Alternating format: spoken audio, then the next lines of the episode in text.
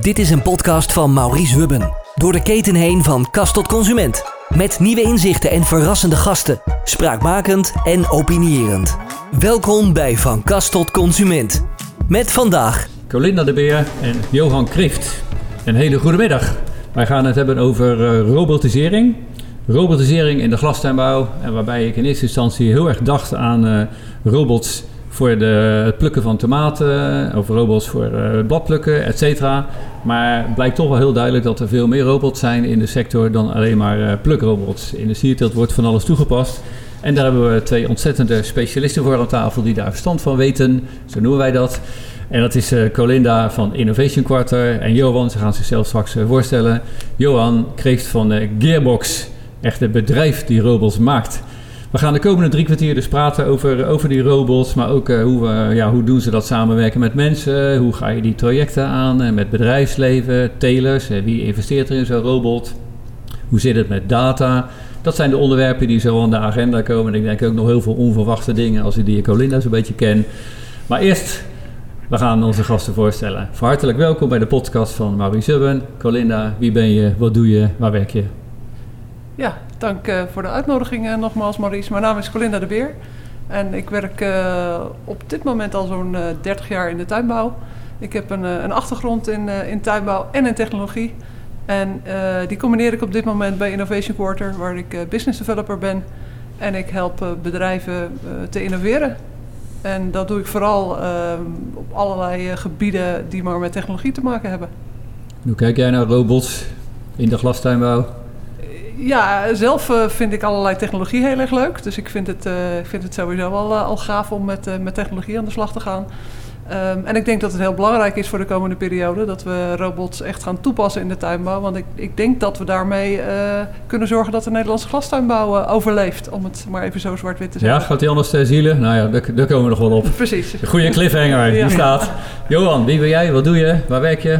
Ik uh, ben Johan Kreeft. Ik ben uh, mede-eigenaar van Gearbox Innovations. En wij maken de, de nieuwe collega's van de toekomst voor de tuinbouw. Ja? Ja. Oké, okay, wat, uh, wat voor soort collega's zijn dat? Dat, ja, robots in, in de breedste zin van het woord. Dus aan de ene kant maken we robots wat meer traditioneel iets met armpjes, toepassingen. Voor verpakken en overleggen. En aan de andere zijde um, assistenten. Dus die kijken vooral met personen mee. En dat is een soort persoonlijke assistent voor een, uh, voor een medewerker. Ja. Gearbox, waar zit dat? Hoeveel mensen werken daar? Wat uh, doe jij daar zelf precies? Nou, dus ik neem aan dat je ook nog wat doet daar. Ja, ik loop er maar eens rond. Ja. Nee, uh, Gearbox um, zit gewoon in het Westland, in Maasdijk. We zijn met een clubje van 17 personen. dol enthousiaste, fanatieke techneten. En ja, andere specialisten. Alles wat je nodig hebt om, om deze toepassingen te maken. We hebben allemaal toch wel vroeger in de tuin gestaan. Uh, we houden van uh, mensen met groene vingers die toch een beetje affiniteit blijven houden met die tuinbouw. Omdat dat uh, die toepassing op een beter ja, niveau brengt. Ja, goed zo. En jouw rol nog even? Ik, ik ben eigenlijk verantwoordelijk voor alle technieken binnen Gearbox. En volgens mij ben je ook mede-eigenaar? Ja. Samen met? Simone. En dat is je? Mijn partner. Ja, mooi zo hebben we alles boven tafel. Ja. Moesten wel een beetje aantrekken, maar uh, dat gaat goed. Eigenlijk is hij gewoon robotfluisteraar. Hè? Want als ja. je op de, op de website kijkt van Gearbox, dan zie je dat ook als zijn titel. Dus, uh, een robotfluisteraar. Ja. En wat zit daar voor verhaal achter? Nou, ja, een, een robot is, een, uh, is meer dan een machine die van links naar rechts gaat. Het gaat juist om de kleine details. Waar ja. zit de, de, efficiëntie? Dat zit hem in, de, in afrondingen van bewegingen en, en ja, de kleine finesse. En vandaar de bijnaam de. En de naam Gearbox zelf, waar staat dat voor? nou, dat is misschien nog wel een leuk verhaal. Ja, uh, we zijn zitten... we gek op hoor, leuke verhalen ja, op de ja, podcast. Precies. Nee, we zijn in Maasdijk begonnen op het, uh, op het Geerbos. Dat is zo heet onze straat. Um, en ik heb een tijdje een bedrijf gehad in Australië. En als je dan je adres invult en de Engelse spellingscontrole gaat eroverheen, dan wordt van Geerbos Gearbox gemaakt. Ja. Nou, dat vonden eigenlijk zo'n leuk ja. voorval. Dat we er onze bedrijfsnaam van hebben gemaakt. Ah, dat, uh, dat zou ik niet verwachten. Ik dacht, joh, versnelling, weet je wel, zoiets dergelijks. Ja.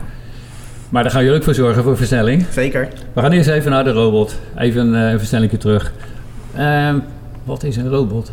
Wat is een robot? Jeetje, dat is ook een goede vraag. Ja, ik nou, kijk jou als eerste aan, dus uh, jij mag beginnen. Ja, als sluiteraar... Alleen mag bijvallen als je zin hebt. Ja. Nee, um, de definitie van wat is een robot, daar is denk ik heel wetenschappelijk ja, Nederland of de wereld het nog steeds niet over eens. Waar nou een robot begint en waar een robot eindigt. Um, maar een robot is iets wat minimaal zelf kan denken, beslissingen maken. En afhankelijk van de situatie ook nog uh, acteert, dus beweegt. Of dat hij alleen maar zijn beslissing doorgeeft en dat iemand anders er wat mee kan doen. En die bestaat uit de componenten, denk ik, uh, metaal, software, camera's, van alles. Nou ja, er zijn uh, apps op je, op je telefoon die bijvoorbeeld eigenlijk al bijna de functie van de robot kunnen overnemen. En er zit niet heel veel metaal dergelijke. Nee, behalve je telefoon zelf. Ja. Een klein beetje. Ah, oké. Okay. nog wat op aan te vullen, dame? Nou ja, uh, als je naar de definitie kijkt die wij vaak gebruiken, is dat een robot een niet-biologisch systeem is die de wereld ziet, op basis daarvan nadenkt en beslissingen maakt en dan ook wat doet. Ja. En dus dat, dat is sense, think en act. En er zijn ook heel veel robots die dat zonder metaal doen. En er zijn ook robots die uh, eigenlijk dus geen robots zijn volgens die definitie, maar wel al delen daarvan doen. Ja, op zo'n manier. En um, robots eh, komen op vele manieren voor in de glastuinbouw. Kan je eens wat voorbeelden noemen? Nou, ik denk een van de eerste eh, de robot-toepassingen, of wat wij als robot kunnen zien, is misschien, misschien wel een uh, pootmachine, oppotmachine. Ja. Uh, waar mensen samenwerken met een stukje ja, mechanisering. Is dat gespeeld in de potplantenwereld? Uh, al die stekjes, uh, importjes doen uh, met potgrond erbij. Ja. ja. Daar word je natuurlijk niet vrolijk van als je dat de hele dag mag doen. dus heel veel mensen die niet vrolijk zijn, daar hebben we niks aan. dus die moeten we opvrolijken. En ander werk geven en een goede robot neerzetten. Ja, ja. ja en zeker wanneer het ja, repeterend begint te worden. Mensen die zijn dan toch vrij snel een beetje afgeleid. Er slijpen foutjes in. Ja, en het is ook gewoon repeterend werken. Continu is ook niet altijd leuk. Mag je altijd zeggen dat robots eh, minder fouten maken dan mensen? Um, zeker niet. Hm. Zeker niet. Het is afhankelijk van de toepassing. Maar als die net neergezet is, dan krijg je af en toe een situatie dat iemand zegt die daarnaast staat: ja, uh, dat had hij toch kunnen zien, dat had hij toch kunnen weten. Dit is voor een mens dan heel logisch dat het een hele rare situatie is en dat hij al gewoon had moeten stoppen. Ja. Ehm, maar ja, voor de robot, voor, voor zijn sensoren, gaf hij nog steeds het goede signaal. Dus ging die door. En dan kan het zijn dat hij. Uh, ik heb in het verleden wel eens wat uh, tomatenbakjes uh, in elkaar gestampt. per Omdat ja, alle, alle signalen stonden op groen. Ja. maar in de praktijk was het toch anders. Ja, dan gaat het toch fout. Ja, dan is hij nog niet zelfdenkend, maar die komen eraan toch? Zelfdenkende die robots. Er zeker weten aan. Self-learning. Ja. maar ook zelfdenkend. Hè. Zeker de robots uh, op dit moment, waar vaak ook een, uh, ja, er zit een flink deel uh, machine learning in, AI. Wat is dat? Even, ik ben een leek, hè, dame. Kunst, sorry, kunstmatige intelligentie. Ja. Ik denk dat dat wel eens... kunstmatige ja. intelligenties heb je op heel veel verschillende manieren, ook, ook technische achtergronden. Maar heel simpel komt het erop neer dat op dit moment met kunstmatige intelligentie wordt eigenlijk gedaan wat wij de robot leren. Dus als wij een robot wat verkeerd leren, uh, wij stoppen de verkeerde kennis in en verkeerde handelingen in, dan zal de robot ook verkeerde dingen gaan doen. Ja. Uh, er zijn weer allerlei modernere soorten waarbij een robot zichzelf inderdaad dingen kan leren. Wat je moet, dan moet je hem vertellen hoe moet het eruit zien aan het eind. En dan verzint hij zelf om uh, hoe hij dat dan gaat doen. Ja. Maar heel vaak is het zo dat een robot, als hij wat fout doet, ja, dan hebben wij mensen toch fout uh, aan hem geleerd. Dus. Ja. Dus je kan hem nooit de schuld geven. Dit is een podcast van Maurice Hubben. Door de keten heen van kast tot consument. Nou, robots, we zijn lekker op weg zo met het onderwerp. Ik vind het nog steeds leuk, dus ik hoop jullie ook. Um, robots uh, zijn natuurlijk apparaten en die moeten samenwerken met machines, met mensen. Sorry, ik zeg het verkeerd. En uh, gaat dat altijd goed? Hoe uh, krijg je dat mensen goed kunnen werken met robots en dat het een goede samenwerking wordt en dat dat ook de plus is die je daarvan verwacht? Ik denk dat allereerst het belangrijk is dat het veilig is. We ja. hebben niks aan gevaarlijke situaties waar je nou ja, letsel kan oplopen als je met een robot werkt. Maar als je de, de, eigenschappen van een robot kent, dan kan je dat, de gevaarlijke kanten kan je ook afschermen. En daarmee kan je uh, dat heel laagdrempelig houden. En wat er denk ik ook wel heel belangrijk aan is, is dat het collega het ook voelt als dat het, of het zijn collega is, zo'n robot. Dus Krijgt hij ook een naam of niet? In veel gevallen wel, ja. ja? ja. En gekozen door de medewerkers of door de baas of door nou, de leverancier? Ja, kijk, wij kunnen als leverancier natuurlijk een naam kiezen, maar het is veel leuker als het op de werkvloer zelf gebeurt. Ja. Dat is de, eigenlijk misschien wel de eerste stap in het uh, accepteren dat er een nieuwe collega is. Dat is heel uh, sociaal uh, aanvaard. Ja, ja. En... Op de verjaardagskalender. ja. ja. Nee, maar dan, dan begint het traject. En ja, het moet ook zo blijven voelen alsof het een collega is. Als het gaat voelen als een machine die misschien over een half jaar je werk overneemt, dan kijk je altijd met andere ogen. Als van ja, dit is mijn collega. En wij zijn ook wel van mening dat mensen in controle moeten zijn over de robot.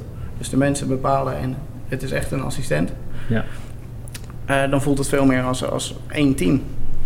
Zijn de mensen altijd blij als er een robot uh, bij komt? Want er is ook iets van, joh, ze nemen mijn baan over. Uh, ik heb niet meer, minder werk, kan minder uren maken, et cetera. Wordt het ook gezien als een bedreiging op de werkvloer? Colina, kom jij dat tegen? Ja, ik denk dat het zeker wordt gezien als een, een bedreiging. Mensen zijn bang dat ze daardoor hun, hun baan kwijtraken. Um, en dat zal misschien op een gegeven moment ook wel gebeuren. Hè? Uh, met name het hele laag opgeleide werk of dingen waar je weinig kennis voor moet hebben. Dat zou best wel eens kunnen zijn dat de robot dat gaat overnemen. Ja. Uh, maar er zijn ook heel veel nieuwe banen die ontstaan door een robot. Want stel dat je op een, uh, op een tuin een stuk of twintig robots hebt rondrijden, dan zul je ook mensen moeten hebben die die robots kunnen onderhouden, die ja. ermee kunnen werken, die kunnen zorgen dat ze. Nou ja, die robots werken 24/7, maar daarvoor moet je ook wel wat dingen doen. Dus ik denk zeker dat er uh, arbeid verdwijnt, uh, maar er zal ook, uh, ook nieuw werk bij komen. Ja. Maar het is wel goed, het is wel belangrijk dat we dat op een goede manier ook, ook duidelijk gaan maken. Want ik hoorde laatst iemand zeggen, ja, een tuinder ziet zijn identiteit als de groene kennis die hij heeft. Uh, en als je die groene kennis nou in een robot gaat stoppen en zegt, tuinder, doei, wij hebben die kennis hier in die robot, we hebben jou niet meer nodig, ja, dan gaat het natuurlijk niet goed. Ja, ja, ja. Dat kom je wel een beetje tegen bij dat autonoom telen. Dat is een beetje een uitstapje, maar daarvan heb ik het idee dat daar de, de kennis of de expertise van de teler, als het gaat om de teelt aansturen, een klein beetje aan het uh, verminderen is. Nou, ik denk dat dat ook juist uh, wel door telers wordt gezien, tenminste de voorlopers daarin, dat dat heel erg nuttig is. Want een tuinder, de groene kennis, die, die is er gewoon steeds minder. Ja. Dus een tuinder zegt van ja, ik wil eigenlijk meer mensen hebben met die kennis. En als hij ze niet kan vinden, nou, dan kan hij zijn eigen kennis in een uh, systeem stoppen en dan kan hij voor de standaardzaken kan hij die kennis gebruiken. Niet voor alles, hè. de uitzonderingen zal hij zelf moeten blijven doen. Maar de dingen die hij iedere dag hetzelfde doet, ja, stop die uh, alsjeblieft in een robot of hoe je het dan ook gaat, gaat noemen opleidingen van de medewerkers om met zo'n robot uh, te werken? Uh, worden de opleidingen daaraan aangepast? Uh, wat, wat gebeurt er? Want dat gaat denk ik niet vanzelf. Niet iedereen kan gewoon een robot aansturen. Nee, ik denk dat dat uh, belangrijk is dat we daar mensen voor, uh, voor opleiden. Uh, ook dingen als, we hadden straks over kunstmatige intelligentie. Daar moeten mensen ook begrijpen hoe dat werkt, hoe dat in elkaar zit. Maar ook inderdaad de robots die in de kas rijden, die moet je wel kunnen gebruiken. Maar ik weet niet, Johan... nou, ik, ik, ik, wil er wel een klein beetje op inhaken. Want ik denk juist dat het heel belangrijk is dat je met zo min mogelijk voorkennis een robot kan bedienen. Dus als, alsof het je collega is, dan is het ook zo laag drempelig uh, mogelijk. Ja. Uh, wat je wil voorkomen is dat je zegt van ja, dat is een computer, die, die, kan ik wel besturen, maar kom er maar niet aan, want stel je voor dat er iets fout gaat. Ja. Dan voelt het toch een soort, ja, alsof het een soort afstand is. En dan voelt het niet echt 100% als je collega. Ja. Dus dat moeten we voorkomen. Maar daarnaast ben ik het met Colina eens dat je wel straks uh, de, de, technische support en de ontwikkelaars wil hebben die de nieuwe systemen kunnen bedenken en implementeren en onderhouden. Hoe ben jij zelf opgeleid? Wat heb jij voor achtergrond? Ik heb uh, HTS elektrotechniek uh, gestudeerd. Ja. Er was in mijn tijd nog niet echt een opleiding uh, robotica. Hoe oud ben je? Ik ben 34. Ja, ja. wanneer ben je hiermee begonnen? Ben je echt met robots in aanraking gekomen? Ik denk op mijn dertiende. Ja. Ik werkte in de tuin en ik had altijd een soort fascinatie. Ik was stokjes aan het steken bij geraniums. Ik denk, ja. ja. als ik dan toch een soort wagentje zou hebben die dat voor me zou kunnen doen. En ik werd betaald per, stuk, per stokje ja, dan kon ik meer verdienen. Dus daar is eens een keer een fascinatie ontstaan en dat hebben we ook wel eens uh, doorgezet. En uh, ja, een soort rode draad geworden in mijn leven. Ja, mooi man. Um, dat samenwerken met robots, hè, dat heeft nogal wat, uh, wat, uh, wat voet in de aarde natuurlijk. We gaan even naar uh, diverse soorten robots die er zo al zijn. Nou, bij de introductie had ik het al even over de plukrobot. begin ik gelijk maar bij het meest ingewikkelde werk. waarvan ik mezelf dus echt afvroeg. En heb ik ook van een rondje een tijdje geleden door de sector gemaakt om wat gesprekjes voeren. Ben ik ook bij jullie geweest. Die tomatenplukrobot tegen de achtergrond dat virussen in tomaten natuurlijk echt een dingetje zijn momenteel. Ze willen echt eigenlijk geen mensen in die kas.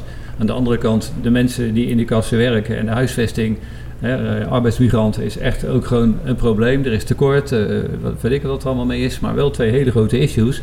Waardoor ik me eigenlijk al gewoon een hele tijd afvraag, wat maakt dat die tomatenplukrobot eigenlijk nog steeds niet is? Als wij nou zo goed zijn in de sector, ik daag jullie even uit hè. Als er nou best geld is voor potjes en subsidies en samenwerken lukt hier en daar best wel. Waarom, verdorie, is dat ding er nog niet? Wie mag ik aankijken? Nou ja, ik denk dat dat inderdaad een vraag is van heel veel mensen. Ja. Uh, en de eerste... Geef jullie niet de schuld, hè? Nee hoor, maar, de, maar de eerste robot die ik zag, of de eerste plek waar geroepen werd... we zijn een robot aan het ontwikkelen, is uh, op de proeftuin in, in Horst, Noord-Limburg. Ja. Uh, waar ik in 1996 werkte. En daar werd toen de komkommerplukrobot werd getest. Nou, die is er nu nog niet. Uh, en dan kun je daardoor zeggen van ja, het is helemaal niet mogelijk om zo'n ding te ontwikkelen. Uh, maar het is ook best wel ingewikkeld. Er zit heel veel technologie in, uh, in zo'n robot. En een, een, gewas als een tomaat of een komkommergewas is niet te vergelijken met een auto waar je wel al heel veel automatisering ziet. maar tegelijkertijd dat gezegd hebbende, denk ik dat we de afgelopen jaren heel veel versnelling hebben in, in technische ontwikkelingen, in de AI. Uh, mechatronica, dus dat daardoor ja, ben wat ik is, ervan wat overtuigd. Is mechatronica? Mechatronica is eigenlijk een, een, uh, een combinatie van me mechanisatie, mechanisering, dus het hardware stuk met de, de elektronica. De koppeling Dus ervan. de koppeling daartussen. Ja. En daar is zoveel gebeurd de afgelopen jaren dat ik er zeker van ben, ook wat ik al zie de laatste tijd, dat we gewoon de komende jaren robots gaan krijgen. Niet dat die misschien 100% kunnen plukken in ieder ras, in ieder teeltsysteem. Maar ik denk dat we nu gewoon echt uh, in de fase zitten waar, waar we wel systemen gaan, uh, gaan zien in de markt. Dus in die zin uh, hangt het op vooral de technische ontwikkelingen, die gaan heel hard en het gaat vrij snel gebeuren. Maar dat heeft er ook al voor gezorgd dat het eigenlijk nu nog niet is. Er, er, zijn technisch nog gewoon heel veel vragen. Het was ingewikkeld. Toch nog nou wel ja, wat drempels. Precies, ja. want nou, een, een, auto is, een auto is iedere keer hetzelfde. Hè? Dan gaat het op een lopende band en die komt naar je toe en die staat op de millimeter gelijk ja, een tomatengewas, dat, uh, dat is iedere, ieder moment bij wijze van spreken anders. Dus, dat, dat, ik kan me voorstellen. Kijk, auto's in elkaar zetten, al die auto's zijn precies hetzelfde. Die vormen, die afmetingen, dat is standaard. Maar iedere tros is anders, iedere stengel hangt iedere net ergens plant is anders. anders, iedere blad, is er anders. zitten touwtjes, Ja. het licht verandert. uh, Zeker. Het is Ja. nogal een uitdaging hoor, maar Ja. iemand heeft mij verteld, joh, het, kan, het kan gewoon. Dat Het kan, zeker. het kan gewoon. Dus daar eh, laat ik me niet door afleiden. Is het niet zo dat er hier wat te weinig eh, budget voor is? Eh, Zijn we niet wat te zuinig om dit nou eens gewoon echt goed voor elkaar te krijgen? Want ik heb wel eens gehoord eh, van een Harry Smeets, die ken ik ook goed, die weet ook heel veel van het onderwerp. Dat in Australië zijn ze al veel verder, maar daar zijn gewoon budgetten die worden vrijgemaakt. Er zijn natuurlijk de arealen, de volumes groter, er is ook meer geld voor dingen. Wat budget, als er nu gewoon hier één zegt van joh, ik leg 50 miljoen neer, is hij er dan over een twee maanden? Nou, twee, twee maanden is wel een heel extreem korte tijd. Ja? Maar het is leuk om een discussie op gang te brengen. Ik denk dat het vooral is ehm, bewustwording en natuurlijk eh, de financiële eh, impulsen helpen enorm. Maar het, het bewust worden en als, als ecosysteem, dus als kwekers en als ehm, robotontwikkelaars, een stukje overheid, eh, gezamenlijk daarnaar kijken en echt de, de vinger op de zere plek leggen. Dat is wat er nodig is en dan kan je, twee maanden is wat kort, maar dan kan je echt binnen eh, een jaar tot twee, drie jaar zal er wat rondrijden. En, eh, Ja, die gewoon, eh, dan plukt hij de tomaten. Maar goed, er is nu een eh, paprika plukrobot. die staat in Blijswijk, volgens mij al in retraite. En die plukt één paprika in, ik meen 26 seconden. Ja. De robot waar jij het over hebt, heeft hij dan wel de snelheid en de, de nauwkeurigheid waarmee die al wel gewoon concurrerend is. En dat die de echt daadwerkelijk in bedrijfsprocessen economisch verantwoord ingezet kan worden? Lange Nou, vraag zeg. zo, zeker. Nou, Ehm, nou, wat, wat er belangrijk is om eh, bij, eh, in gedachten te houden, is dat mensen, die, mensen hebben twee armen en dat zijn alleskunners. Die zijn razendsnel en die hebben dat soms al jarenlang eh, geoefend, zo'n Ja. beweging. Ehm, ik denk niet dat de robot, als die eerst op de markt komt, net zo snel is als een mens. Ik denk dat hij iets langzamer is, maar daarnaast heeft die robot wel het grote voordeel dat hij eigenlijk heel de week door 24/7 zou kunnen werken. Ja. Waarbij een gewone werknemer 40, misschien 50 uur zou maken. Ehm, dus stel dat hij drie keer zo langzaam is, maar hij kan wel drie keer zoveel uur maken, is hij in feite niet duurder. Ja. 24-7. Ja, nou dat zijn de rekensommen. Nou, We komen gelijk door een andere vraag. Die had ik eigenlijk wat verderop staan. Maar joh, ik gooi hem nog uit maar in. We zijn flexibel. eh, jij ook. En anders hoor je het gewoon wel. ja hoor. Als jij dat eh, berekent van zo'n robot, hè, eh, of het uit kan, et cetera. Welke dingen neem je dan allemaal mee? Eh, hoe, hoe, hoe moet je dat doen? Dat zijn, het is een kostenfactor, maar ook eh, waar bespaar je? Wat, wat zijn de factoren die je allemaal meeneemt in je rekensom? Vul gewoon aan, Colinda, als je wilt. Nou, eh, het eerste wat je doet is eh, echt, echt met de kweker om tafel. Van wat zijn de uitdagingen, wat zijn de handelingen. Heel vaak worden alle tussenhandelingetjes eh, zomaar vergeten. Dus dan wordt er gezegd, ook terugkomend op de oostrobot, oh dat is alleen maar die tomaat afknippen. Ja. Nee, het is kijken wat is de rijpheid van de tomaat, welke neem ik wel mee, welke neem ik niet mee. Het daarna wegleggen, velletje erbij, kratjes opstapelen. Dat is eigenlijk de totale handeling. En die wil je in kaart brengen. Ehm, en daarnaast, ja, wij werken heel veel met blokken, modules. En die zijn eigenlijk indicatief voor een bepaalde werkzaamheid. Nou, die, die ga je een beetje, net als hoe je vroeger aan het Lego was, stapelen. En dan krijg je een indicatie van nou, welke stappen zijn er nodig en wat zou zo'n uh, unit bijvoorbeeld gaan kosten. En dan uh, leggen we dat gewoon open en eerlijk uh, met die kwekers terug. En dan kijken we wat daar voor reactie op komt. Van, ja. hey, stel dat een robot zoveel zou gaan kosten. is er nog steeds een business case? Hoe moeten we dat zien? En wat daar weer heel belangrijk in is, dat je samen aan dezelfde tafel zit, aan dezelfde kant. En niet heel erg gesloten van tegenover elkaar. En allebei je, je blaadje dicht houdt. Met ja, de aantekening. Dat snap ik wel. Met klant en leverancier wil je toch wel gewoon uh, alles open bespreken en de wensen bespreken en ook de calculatie behoorlijk uh, open. Ja.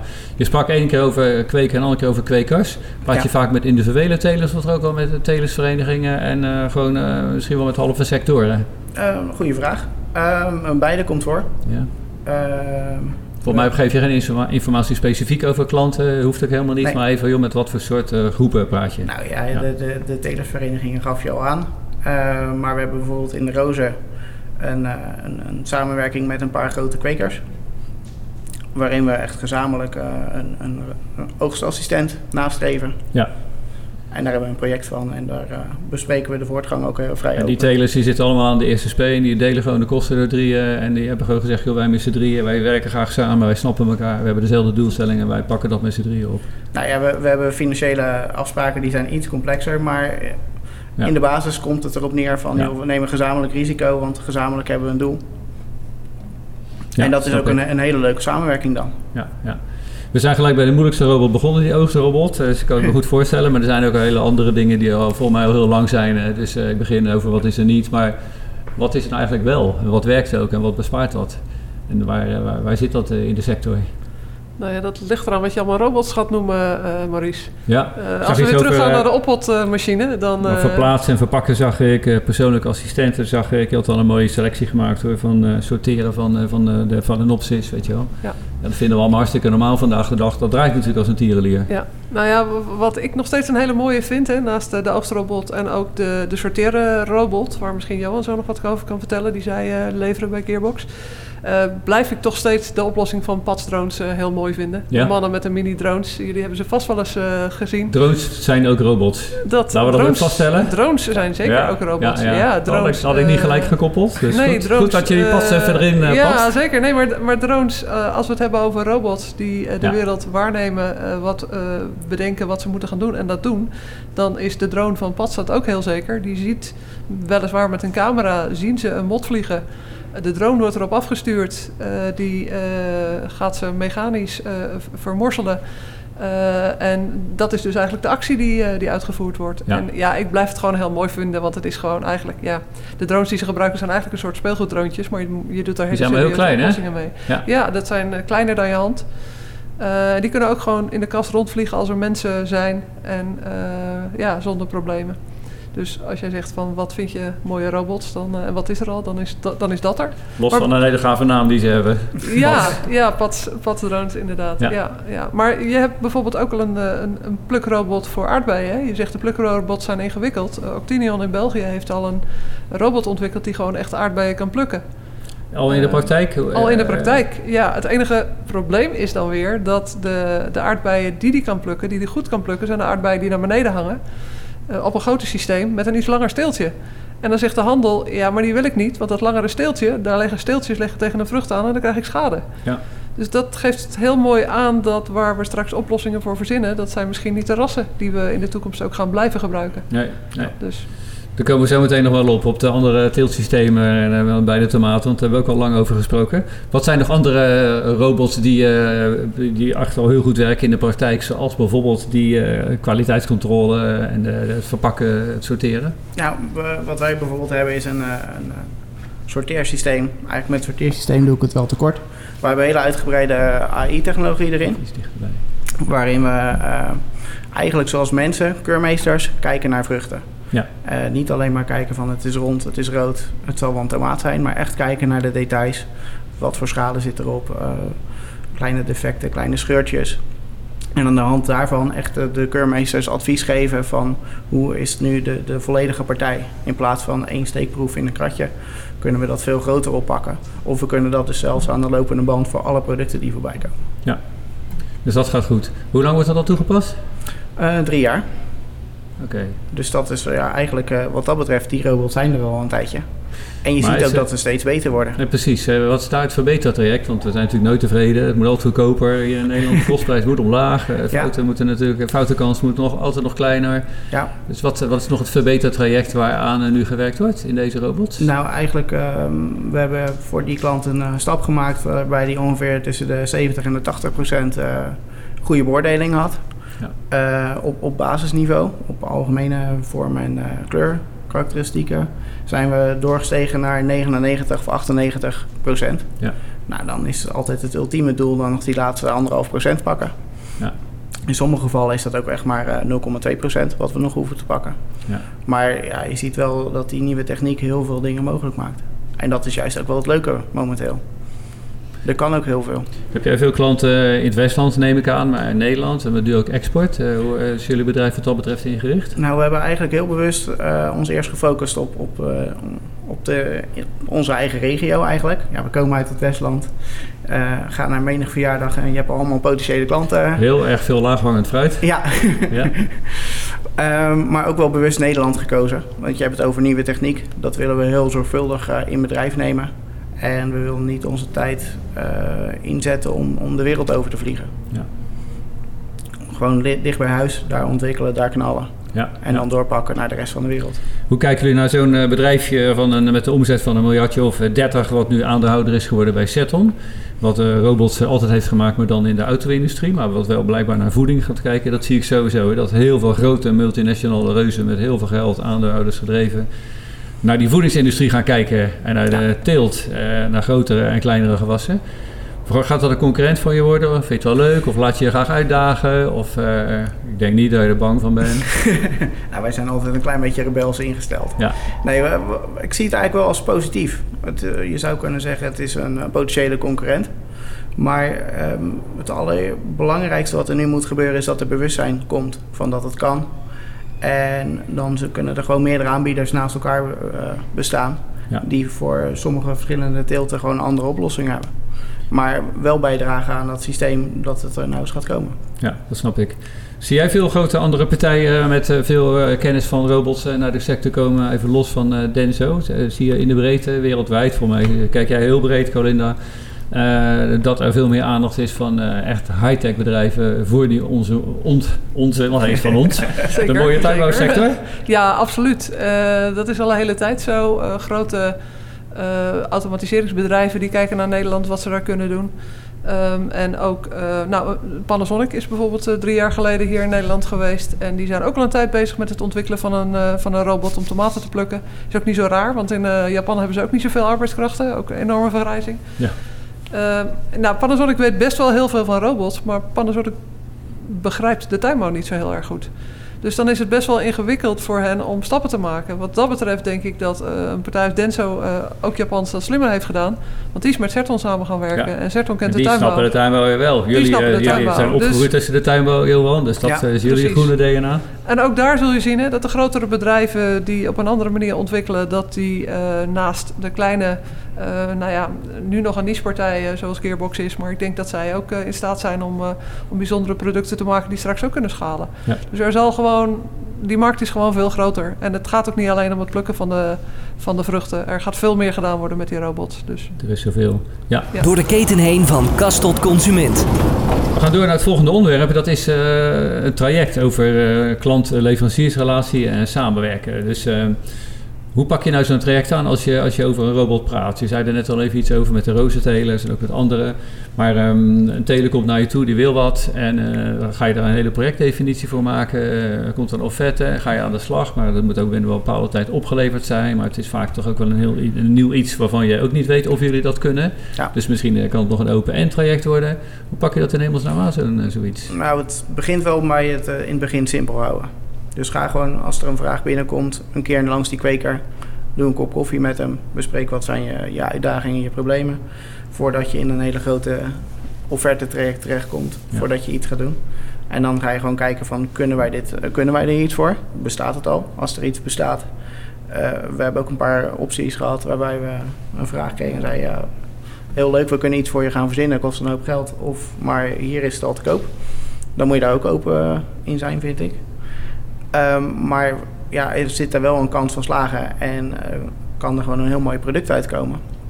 Dan ga je gewoon met elkaar om tafel van, joh, hoe gaan we dit doen? Dan ga je hem verder beetpakken. Ja, ja, elke keer een indicatie. Wat wij dan meestal doen is een kleine tussenstap. Een proof of concept, waarin we wat technieken, wat camera's, wat uh, robotonderdelen die wij al hebben liggen kunnen inzetten. Dus dat hoeft niet specifiek voor dit vraagstuk worden aangeschaft. Ja. We doen daar wat testen mee en dan niet alleen laten we zien dat er iets kan, maar ook bespreken we van wat voor impact heeft het als dit gebruikt wordt. Ja. En bijvoorbeeld, uh, we zijn vrij uh, uitgebreid bezig met de oostrobot. En dan krijg je op een gegeven moment de vraag: ja, wat gebeurt er als er 95% van de tomaten wordt meegenomen? En niet 100. Iedereen wil 100, maar 100 is een einddoel. Maar zou 95 of 90% ook een mooie tussenstap zijn? Dan kan je als persoon veel sneller er doorheen. Snap ik. Achteraan en is toch uh, die kweker uh, ja. grotendeels geholpen. Nou, en dat zijn juist leuke vraagstukken waar je ook open, over moet spreken. Ik heb nog een leuk ander vraagstukje voor jullie. Dat gaat ook weer over die oogstrobot. Ja, dat blijft toch triggeren. Ja, de andere hebben, andere hebben we intussen al, al ook doorgenomen.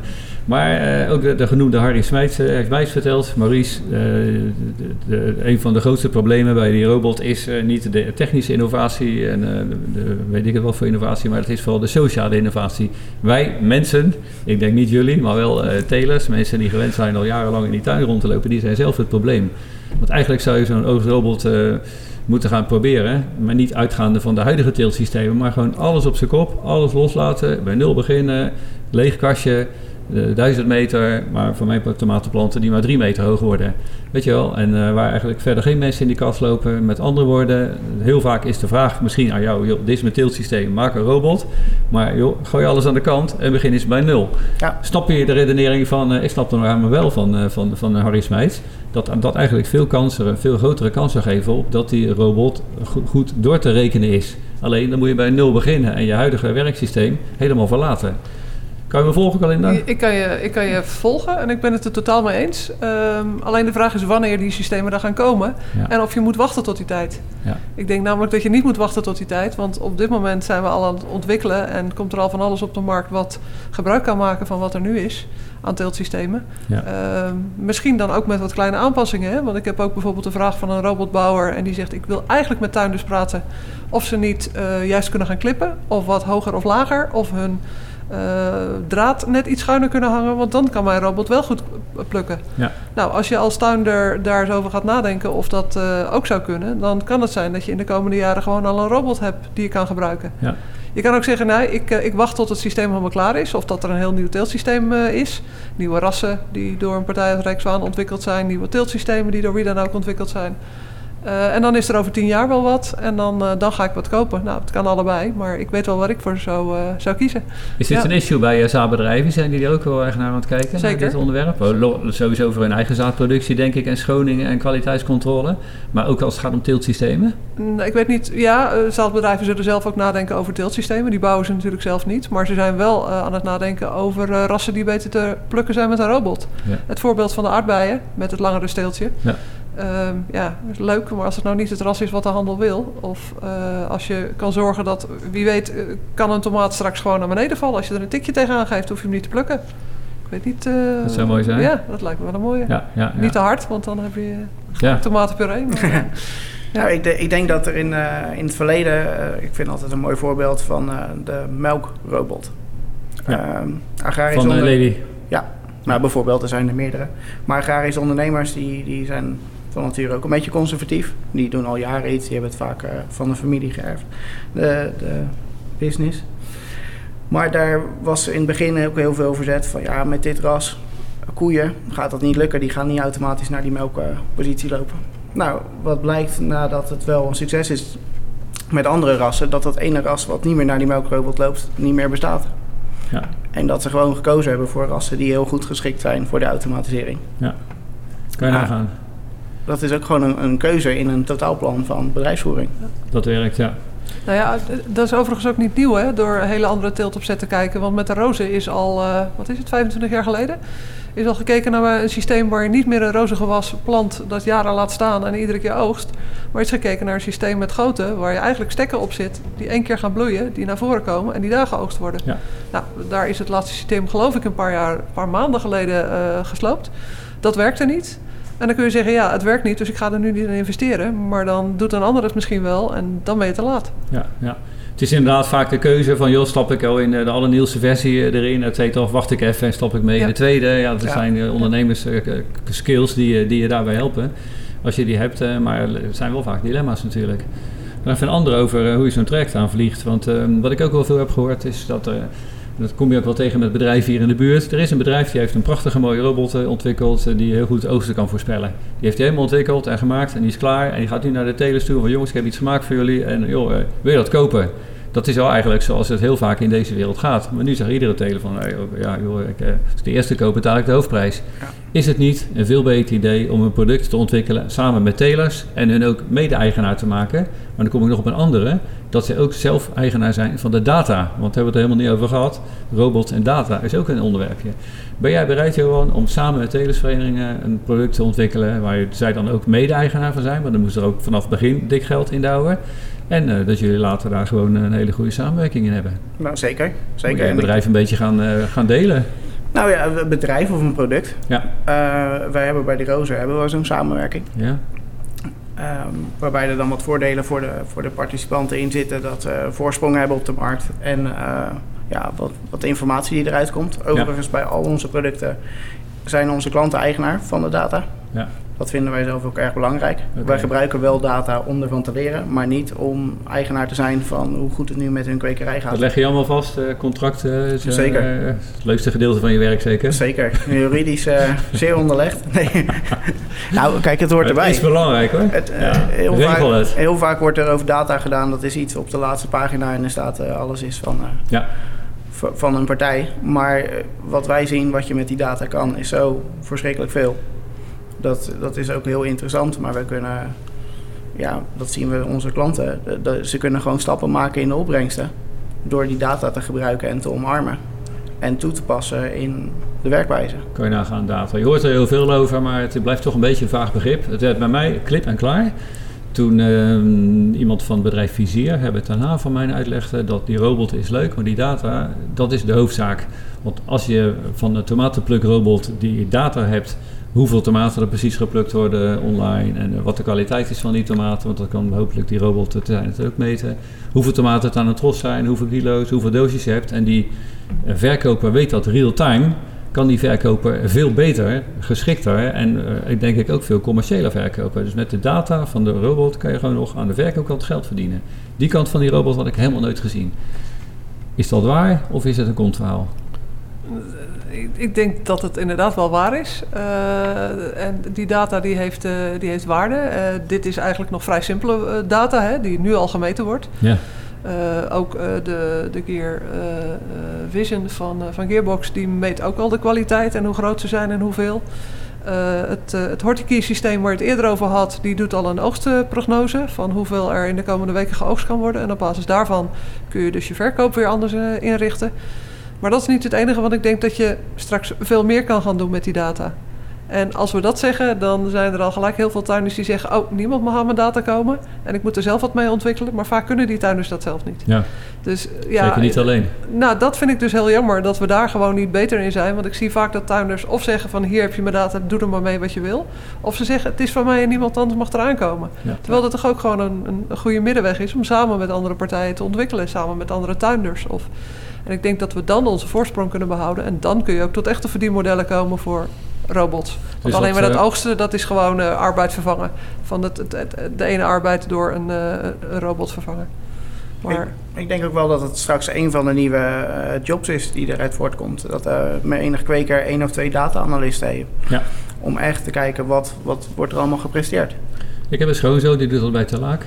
Kijk. Twee dagen in de week. Die studeert econometrie en die, die verdient daar nu al wat mee. En dus voor hun is dat helemaal nieuw, maar super gaaf dat ze twee, ze hebben er twee van dat soort knakkers daar dat allemaal laten doen. Ja. Allemaal modellen maken, voorspellen, oogstvoorspellen, aanbod voorspellen, van alles. Ja. Hartstikke leuk. En die jongen vindt het ook heel leuk hoor. Kijk. Die was nooit zo bezig met de tuinbouw en die heeft intussen gewoon groene vingers. Kijk. Dus nou nieuwe, nieuwe mensen voor de sector werven, dat studenten. Zeker, dat is zeker een uitdaging en dat, daar probeer ik ook altijd uh, mijn uh, sport van te maken. Als, er, als ik studenten vind, eh, met name buiten de tuinbouw vandaan, die, die met AI of met data-analyse bezig zijn, maar ook met, met mechatronica of wat dan ook voor techniek, dan probeer ik ze toch altijd wel naar de tuinbouw te lokken door te laten zien wat voor mooie bedrijven er zijn. Ik heb ook zo wel een paar mensen gezegd van, joh, ga eens bij Gearbox kijken of ga eens bij nou ja, een andere partij waar ik veel mee werk kijken. En vaak zijn mensen dan toch verbaasd hoeveel uh, gave dingen je kan ze doen. Ze gaan dan ook wel kijken. Je krijgt ze wel zover om überhaupt eventjes uh, wat te gaan snuffelen. Soms wel. Ja, ja, soms wel. Ja. we zien ook wel de brug naar, van, van de TU Delft. Die wordt ook steeds kleiner. Ja. Traditioneel was daar met tuinbouw en TU Delft best wel een grote ja, brug. 10 kilometer afstand, wat is het? 12? Ik, ik, heb het jaren gefietst. Het is best wel te doen. Ja. En toch uh, ja, voelde alsof er een hele, hele andere wereld was. En dat begint nu wel dichter bij elkaar te komen. Dat is echt wel heel leuk. Ja, er worden diverse partijen, zeker ik denk dat jullie daar veel mee bezig zijn. En de TU Delft heeft ook mensen nu, uh, Lise Loren, die daar veel mee bezig is om die verbinding met de sector, projecten, weet je wel. Dus uh, ja, het, het, werk wordt ook gewoon interessanter. Er gebeurt van alles. En uh, we worden wel steeds meer sexy, maar het gaat langzaam. We hebben het zelf ook nog niet zo in de gaten. Ja.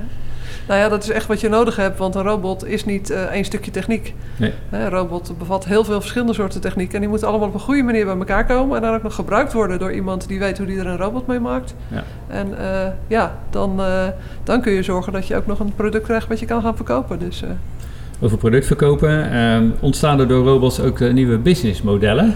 As a service, zoiets heb ik wel eens gehoord. Wat, uh, op, op, uh, wat zou daar nog kunnen ontstaan allemaal? Nieuwe nou businessmodellen? Ja, as a service uh, wordt veel over gepraat. Hè. Het bestaat al langer. Het is niet heel nieuw, maar in de tuinbouw zie je er... Wat is het? Nou, daar, daar verkoop je bijvoorbeeld een product. Je verkoopt niet het product, maar je verkoopt de service die het product levert. Dus bijvoorbeeld Signify met Light as a Service. Die verkoopt niet de lampen, maar die verkoopt de lichtopbrengst. Ja. Stel dat je zegt Growing as a Service. Dan kun je bijvoorbeeld verkopen dat je zoveel kilo tomaten per week produceert. Ja.